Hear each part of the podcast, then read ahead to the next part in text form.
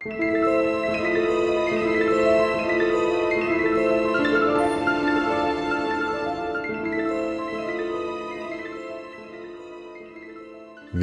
til Forlæst. Podcasten, hvor vi lytter os tilbage i litteraturhistorien på jagt efter de klassiske fortællinger, som stadig kan vækkes til live. Mit navn er Bjarke Sølverbæk, og i dag bevæger vi os op i det 20. århundrede for at lytte til to fortællinger, der kan ses som fabler, der forklarer kattens rolle i verden.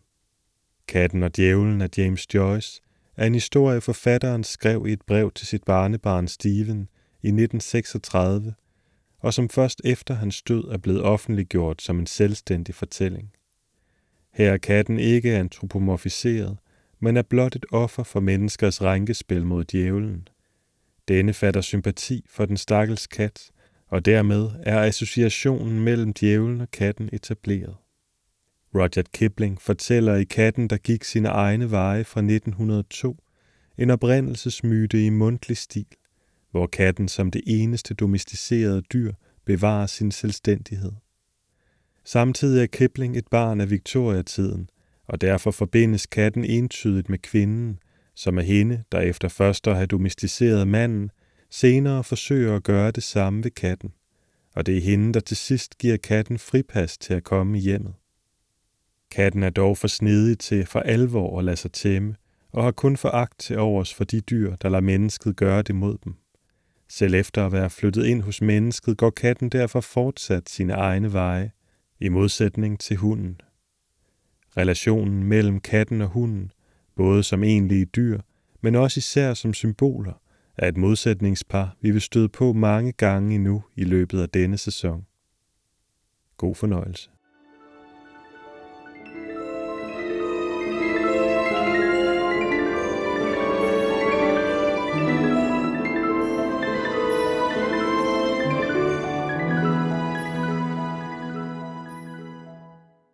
Katten og djævlen af James Joyce Min kære Stevie, jeg sendte dig en lille kat fyldt med slik for et par dage siden, men måske kender du ikke historien om Beauchancy-katten. Beauchancy er en lille gammel by på en af Loires bredder, Frankrigs længste flod. Det er også en meget bred flod, i hvert fald for Frankrig. Ved Beauchancy er den så bred, at hvis du vil krydse den fra den ene bred til den anden, vil du skulle tage mindst tusind skridt. For længe siden måtte folk i Beauchancy, når de ville krydse den, sejle over i en båd, for der var ikke nogen bro. Og de kunne ikke selv lave en, eller betale nogen anden for at lave en. Så hvad skulle de dog stille op? Djævlen, som altid læser aviserne, hørte om deres triste forfatning, så han klædte sig på og tog sted for at aflægge overborgmesteren i Beauchancy et besøg. Han hed Monsieur Alfred Bian. Denne overborgmester var også meget glad for at klæde sig. Han bar en skarlagens rød kappe og havde altid en stor gylden kæde om halsen, selv når han sov tungt i sengen med knæene helt op ved munden. Djævlen fortalte overborgmesteren, hvad han havde læst i avisen, og sagde, at han kunne bygge en bro til Bourgeoisies indbyggere, så de ville kunne krydse floden så ofte de ville. Han sagde, at han kunne bygge så god en bro, som der nogensinde var blevet bygget, og gøre det på en enkelt nat. Overborgmesteren spurgte ham, hvor mange penge han ville have for at bygge sådan en bro. Ingen penge overhovedet, sagde djævlen.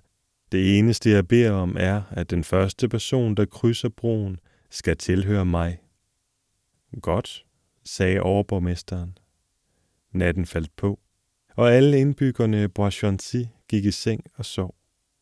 Morgen kom, og da de stak hovedet ud af vinduerne, råbte de, Villoire, hvor er det en fin bro? For de så en fin, stærk stenbro, der var som kastet over den brede flod. Alle indbyggerne løb ned til enden af broen og så hen over den. Der var djævlen, som stod på den anden side af broen og ventede på den første person, der krydsede den. Men ingen turde krydse den af frygt for djævlen. Så lød der et signalhorn. Det var et tegn på, at folk skulle tige, og overborgmester Monsieur Alfred Bien dukkede op i sin store skarlagensrøde kappe og med sin tunge gyldne kæde om halsen. Han havde en spand vand i den ene hånd, og under armen, den anden arm, bar han en kat. Djævlen holdt op med at danse, da han så ham fra den anden side af broen, og satte sit lange kikkertglas op foran øjet. Alle folk viskede til hinanden, og katten så op på overborgmesteren, for i byen Bourgeancy var det tilladt for en kat at kigge på en overborgmester.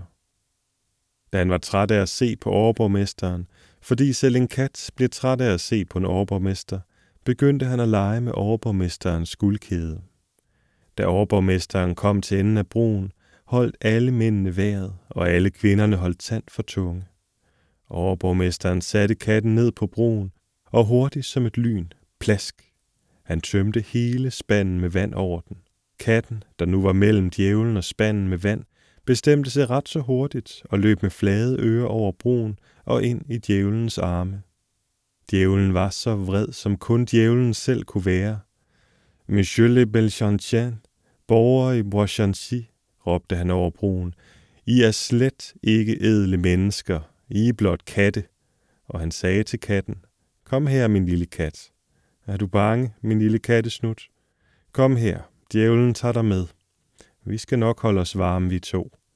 Og han tog afsted sammen med katten. Og siden dengang kaldes byens befolkning Le Chat de Bourgeoisie, Bourgeoisies katte. Men broen er der stadig, og byens drenge går og rider og leger på den.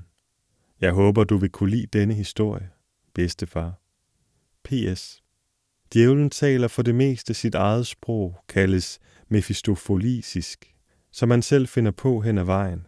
Men når han er meget vred, taler han ganske dårligt fransk, meget godt, selvom nogen, der har hørt ham, siger, at han har en kraftig dobbling-accent.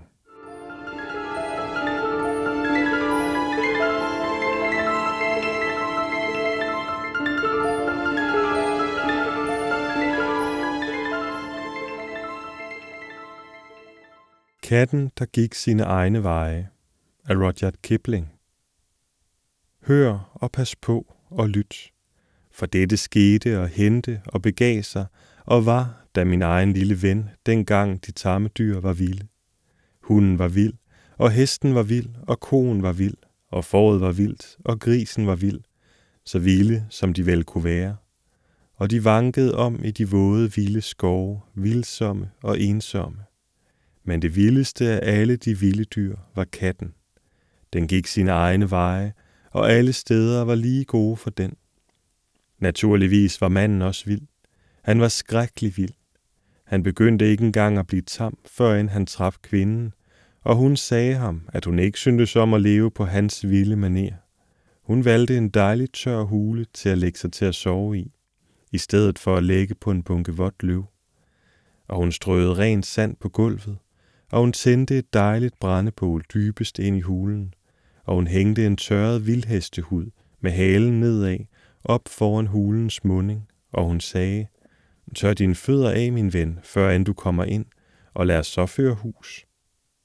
Den aften, min egen ven, spiste de vilde lammesteg, stegt på de hede sten, og krydret med vilde hvidløg og vild peber, og vildandesteg fyldt med vild ris og vild bukkehorn og vild koriander, og marvben af vilde okser, og vilde kirsebær og vilde granatæbler. Så lagde manden sig til at sove foran bålet, inderligt veltilfreds. Men kvinden blev siddende oppe og kæmmede sit hår. Hun tog benet af lammefjæringen, det store, flade skulderbladben, og hun så på de underlige tegn på det, og hun kastede mere brænde på bålet, og hun lavede trolleri. Hun lavede den første tryllesang i verden. Ude i de våde vilde skove samledes alle de vilde dyr på et sted, hvor de kunne se skæret fra bålet langt borte, og de undredes over, hvad det betød. Så stampede vildhesten med sine vilde hove og sagde, Åh, mine venner, og åh, mine fjender, hvorfor har manden og kvinden lavet dette store lys i den store hule, og hvad for træd vil det gøre os? Vildhunden stak næsen i vejret og lugtede duften af og sagde, Jeg vil gå hen og se ad, og så fortæller jeg det, for jeg tror, det er noget godt. Kat, kom og gå med mig. Nej, nej, sagde katten. Jeg er katten, som går sine egne veje, og alle steder er lige gode for mig. Jeg vil ikke gå med. Så kan vi aldrig mere være venner, sagde vildhunden, og den travede afsted til hulen. Men da den var et stykke vej bort, sagde katten til sig selv, mm, alle steder er lige gode for mig. Hvorfor skulle jeg ikke gå hen og se ad og gå min egen vej igen, som jeg selv lyster? Og så listede den sagte, ganske sagte efter vildhunden, og gemte sig et sted, hvor den kunne høre alt. Da vildhunden nåede hulens munding, løftede den den tørrede hestehud med sin snude og indsnusede den dejlige duft af lammestegen. Og kvinden, som sad og så på skulderbladet, hørte den og lo og sagde, der kommer den første, vilde væsen fra de vilde skove, hvad ved du?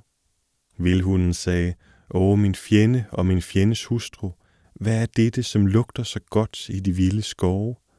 Så greb kvinden et lammestegsben og kastede det hen til vildhunden og sagde, Vilde væsen fra de vilde skove, smag og prøv. Vildhunden knævede benet, og det var lækre end noget, den nogensinde havde smagt, og den sagde, O min fjende og min fjendes hustru, giv mig et til.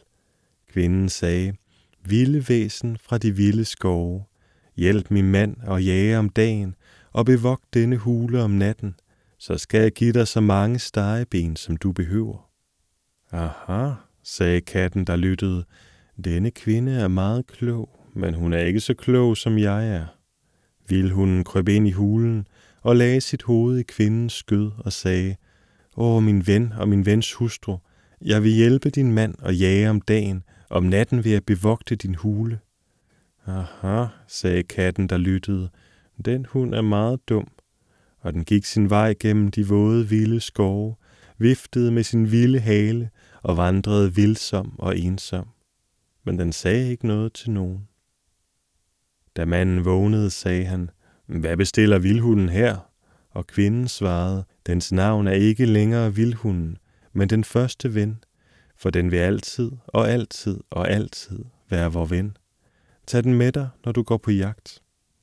Næste aften skar kvinden store grønne fagnfulde frisk græs nede på flodengene og tørrede det foran bålet, så at det duftede som nyslået hø, og hun satte sig ved hulens munding og flettede en grime af hestehud, og hun så på benet af lammefjæringen, det store, brede skulderbladben, og hun lavede et trolleri.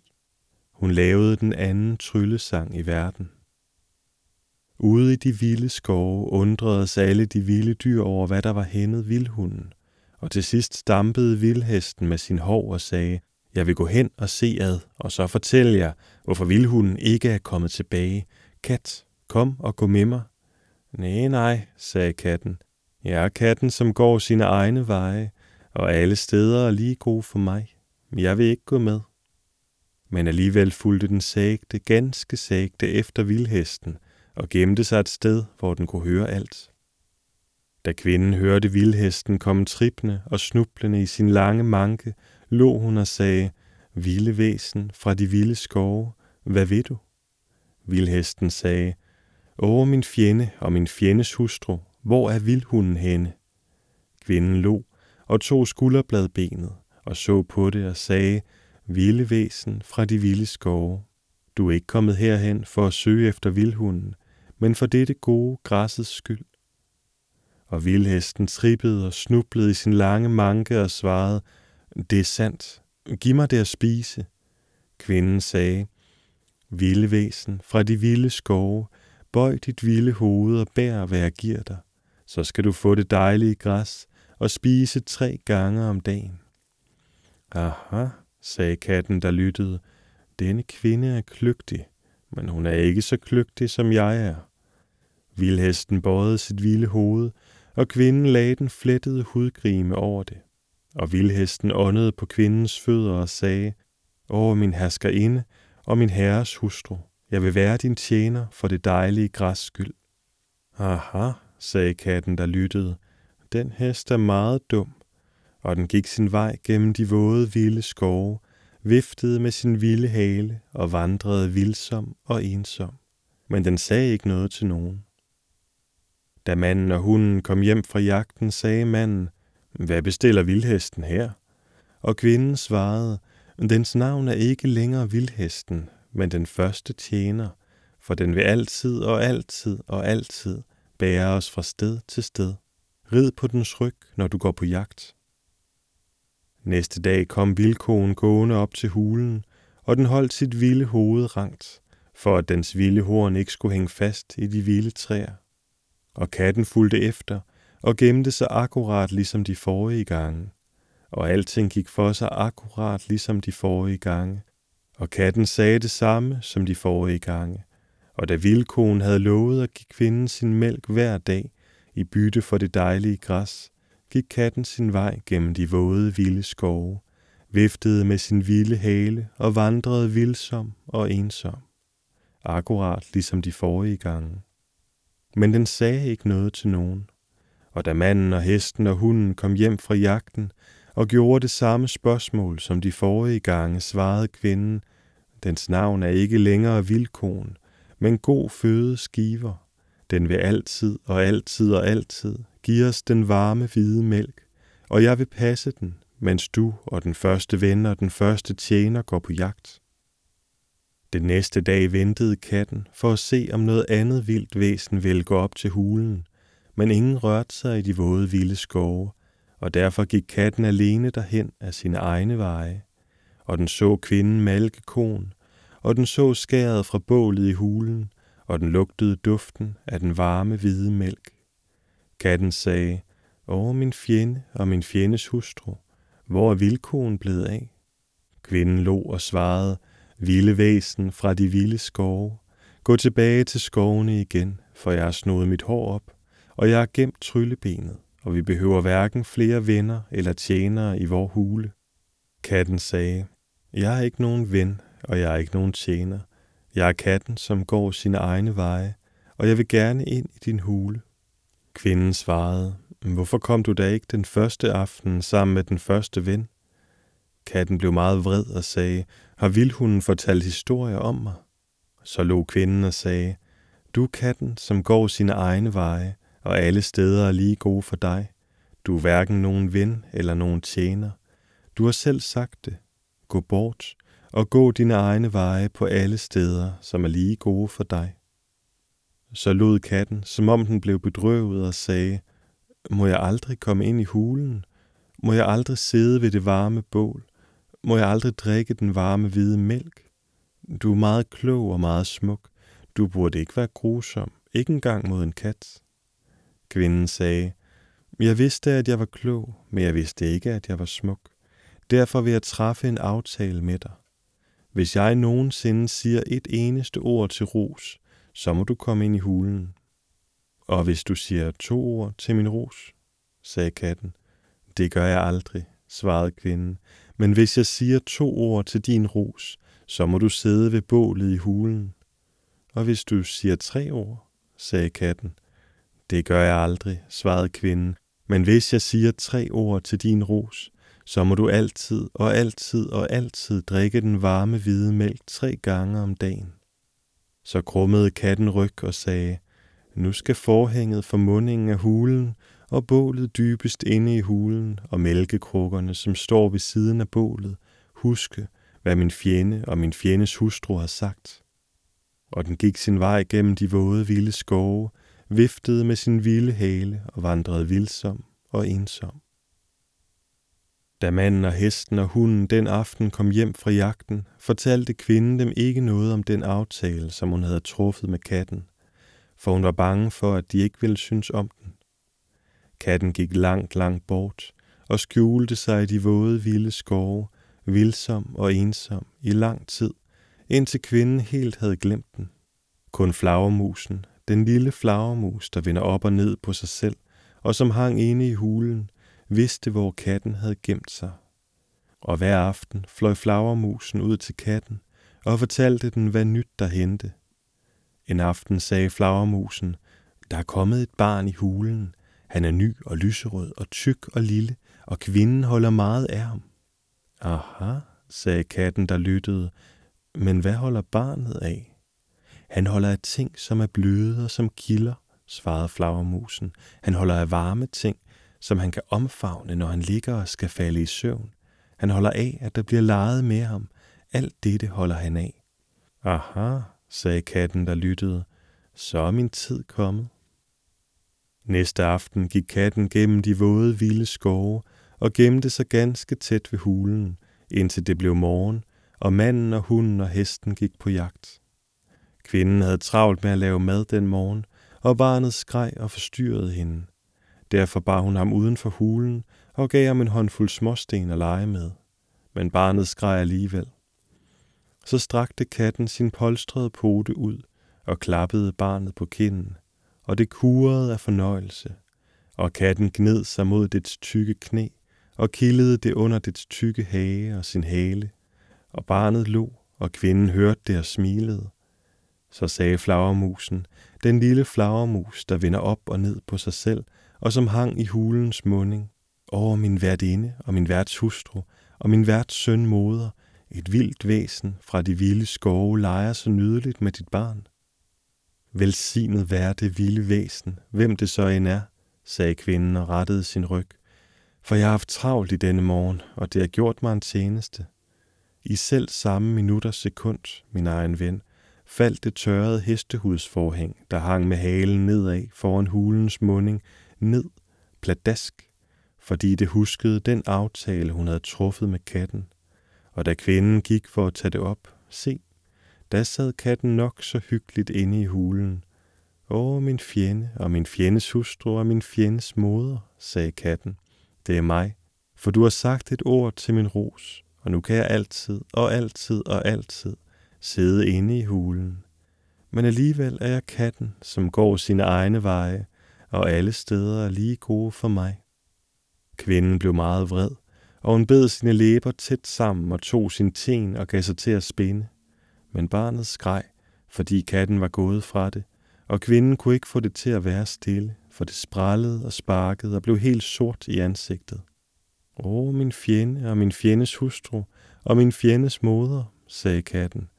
Tag en streng af den tråd, som du spinder, og bind den til din ten, og slæb den hen over gulvet, så skal jeg vise dig et trolleri, som skal få dit barn til at le lige så højt, som han nu skriger. Jeg vil gøre det, sagde kvinden, fordi jeg ikke ved, hvad jeg ellers skal gøre, men jeg vil ikke takke dig for det. Hun bandt tråden til den lille lærten og trak den hen over gulvet, og katten løb efter den og snappede efter den med sine poter og slog koldbøtter og kastede den bag over sin skulder og ledte efter den mellem sine bagben og lod som om den ikke kunne finde den og slog ned på den igen, indtil barnet lå lige så højt, som det før havde skrejet, og kravlede efter katten og tumlede rundt i hele hulen, indtil det blev træt og lagde sig til at sove med katten i sine arme. Nu vil jeg synge for barnet, sagde katten. Synge en sang, der skal få ham til at sove en time. Og den begyndte at spinde højt og sagte, sagte og højt, indtil barnet faldt i tryg søvn. Kvinden smilte, mens hun så ned på de to og sagde, det gjorde du ypperligt. Der er ikke spørgsmål om, at du jo er meget kløgtig, o kat. I selv samme minut og sekund, min egen ven, slog røgen fra bålet dybest inde i hulen ned fra taget i skyer. Puff! Fordi den huskede den aftale, hun havde truffet med katten. Og da den var drevet bort, se, der sad katten nok så hyggeligt tæt ved bålet. Åh, min fjende og min fjendes hustru og min fjendes moder, sagde katten. Det er mig, for du har sagt nok et ord til min ros, og nu kan jeg altid og altid og altid sidde ved det varme bål dybest inde i hulen. Men alligevel er jeg katten, som går sine egne veje, og alle steder er lige gode for mig. Så blev kvinden meget, meget vred, og hun slog sit hår ud og lagde mere brænde på bålet, og fremtog det brede skulderbredben af lammestegen og gav sig til at lave et trolleri, der skulle hindre hende i at sige et tredje ord til kattens ros. Det var ikke nogen tryllesang, min egen ven. Det var et stille trolleri. Og lidt efter lidt blev der så stille i hulen, at en lille bitte mus kryb ud fra en krog og løb over gulvet. Åh, min fjende og min fjendes hustru og min fjendes moder, sagde katten. Hører den lille mus med til dit trolleri? Uff, nej, på ingen måde, svarede kvinden, og hun lod skulderbladbenet falde og hoppede op på skamlen foran bålet og snodede sit hår op meget hurtigt, af frygt for, at musen skulle løbe op af det. Aha, sagde katten, der holdt øje med hende. Musen vil altså ikke bekomme mig ilde, hvis jeg spiser den. Nej, sagde kvinden og snodede sit hår op. Skynd dig at spise den, så vil jeg være dig evigt taknemmelig. Katten gjorde et eneste spring og fangede den lille mus, og kvinden sagde, Tusind tak. Selv den første ven er ikke rap nok til at fange små mus, sådan som du nu har gjort. Du må være meget klog. I selv samme minut og sekund, min egen ven, gik mælkekrukken, som stod ved bålet i to stykker, knæk, fordi den huskede den aftale, hun havde truffet med katten. Og da kvinden hoppede ned fra skamlen, se, der stod katten og lappede den varme hvide mælk op, der var i et af skårene. Over min fjende og min fjendes hustru og min fjendes moder, sagde katten, det er mig, for du har tre gange sagt et ord til min ros, og nu kan jeg altid og altid og altid drikke den varme hvide mælk tre gange om dagen. Men alligevel er jeg katten, som går sine egne veje, og alle steder er lige gode for mig. Så lå kvinden og satte en skål med den varme hvide mælk hen til katten og sagde, Åh kat, du er lige så kløgtig som et menneske, men husk på, at din aftale ikke blev truffet med manden eller hunden, og jeg ved ikke, hvad de vil gøre, når de kommer hjem. Hvad vedkommer det mig, sagde katten, når jeg har min plads i hulen ved bålet og får min varme hvide mælk tre gange om dagen, bryder mig ikke om, hvad manden eller hunden kan gøre. Da manden og hunden den aften kom hjem til hulen, fortalte kvinden dem hele historien om aftalen, og katten sad ved bålet og smilte. Så sagde manden, ja, men den har ikke truffet nogen aftale med mig eller med alle rigtige mænd efter mig. Så trak han sine to læderstøvler af og tog sin lille stenøkse. Det bliver tre genstande, og han hentede et stykke brænde og en brændehuggerøkse. Det er fem i alt. Og han stillede dem på rad, og han sagde, nu vil vi to træffe vor aftale.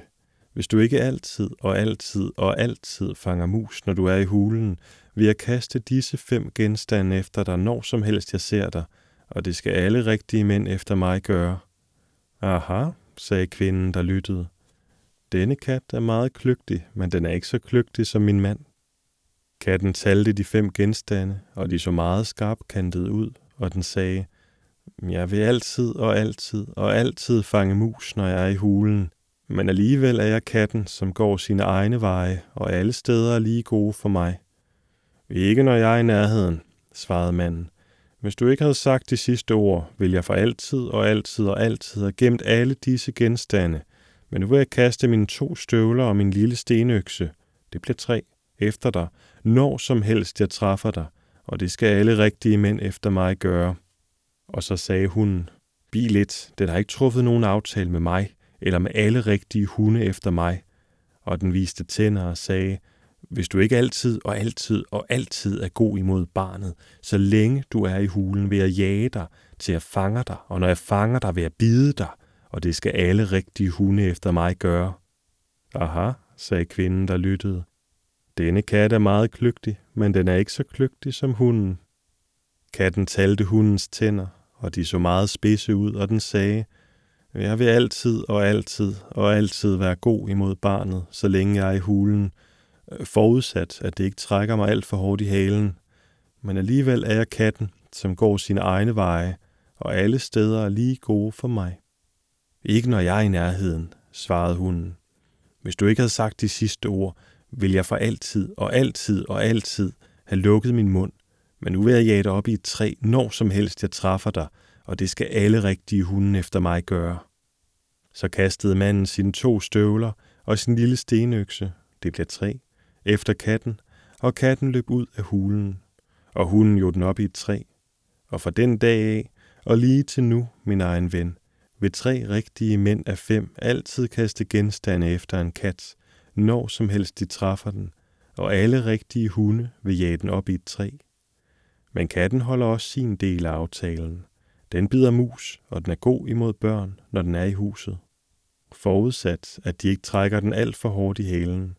Og af og til, når den har gjort det, og månen står op, og natten kommer, er den igen katten, der går sine egne veje, og alle steder er lige gode for den.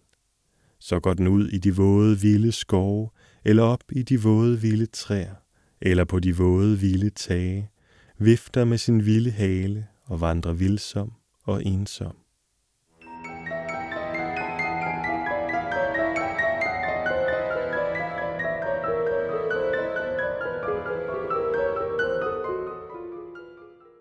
Tak fordi du lyttede med. Hvis du vil vide mere om James Joyce eller Roger Kipling, kan du læse mere på forlæst.dk. Her kan du også skrive til mig, hvis du har kommentarer til afsnittet – eller forslag til, hvad vi skal læse i fremtiden. På genhør.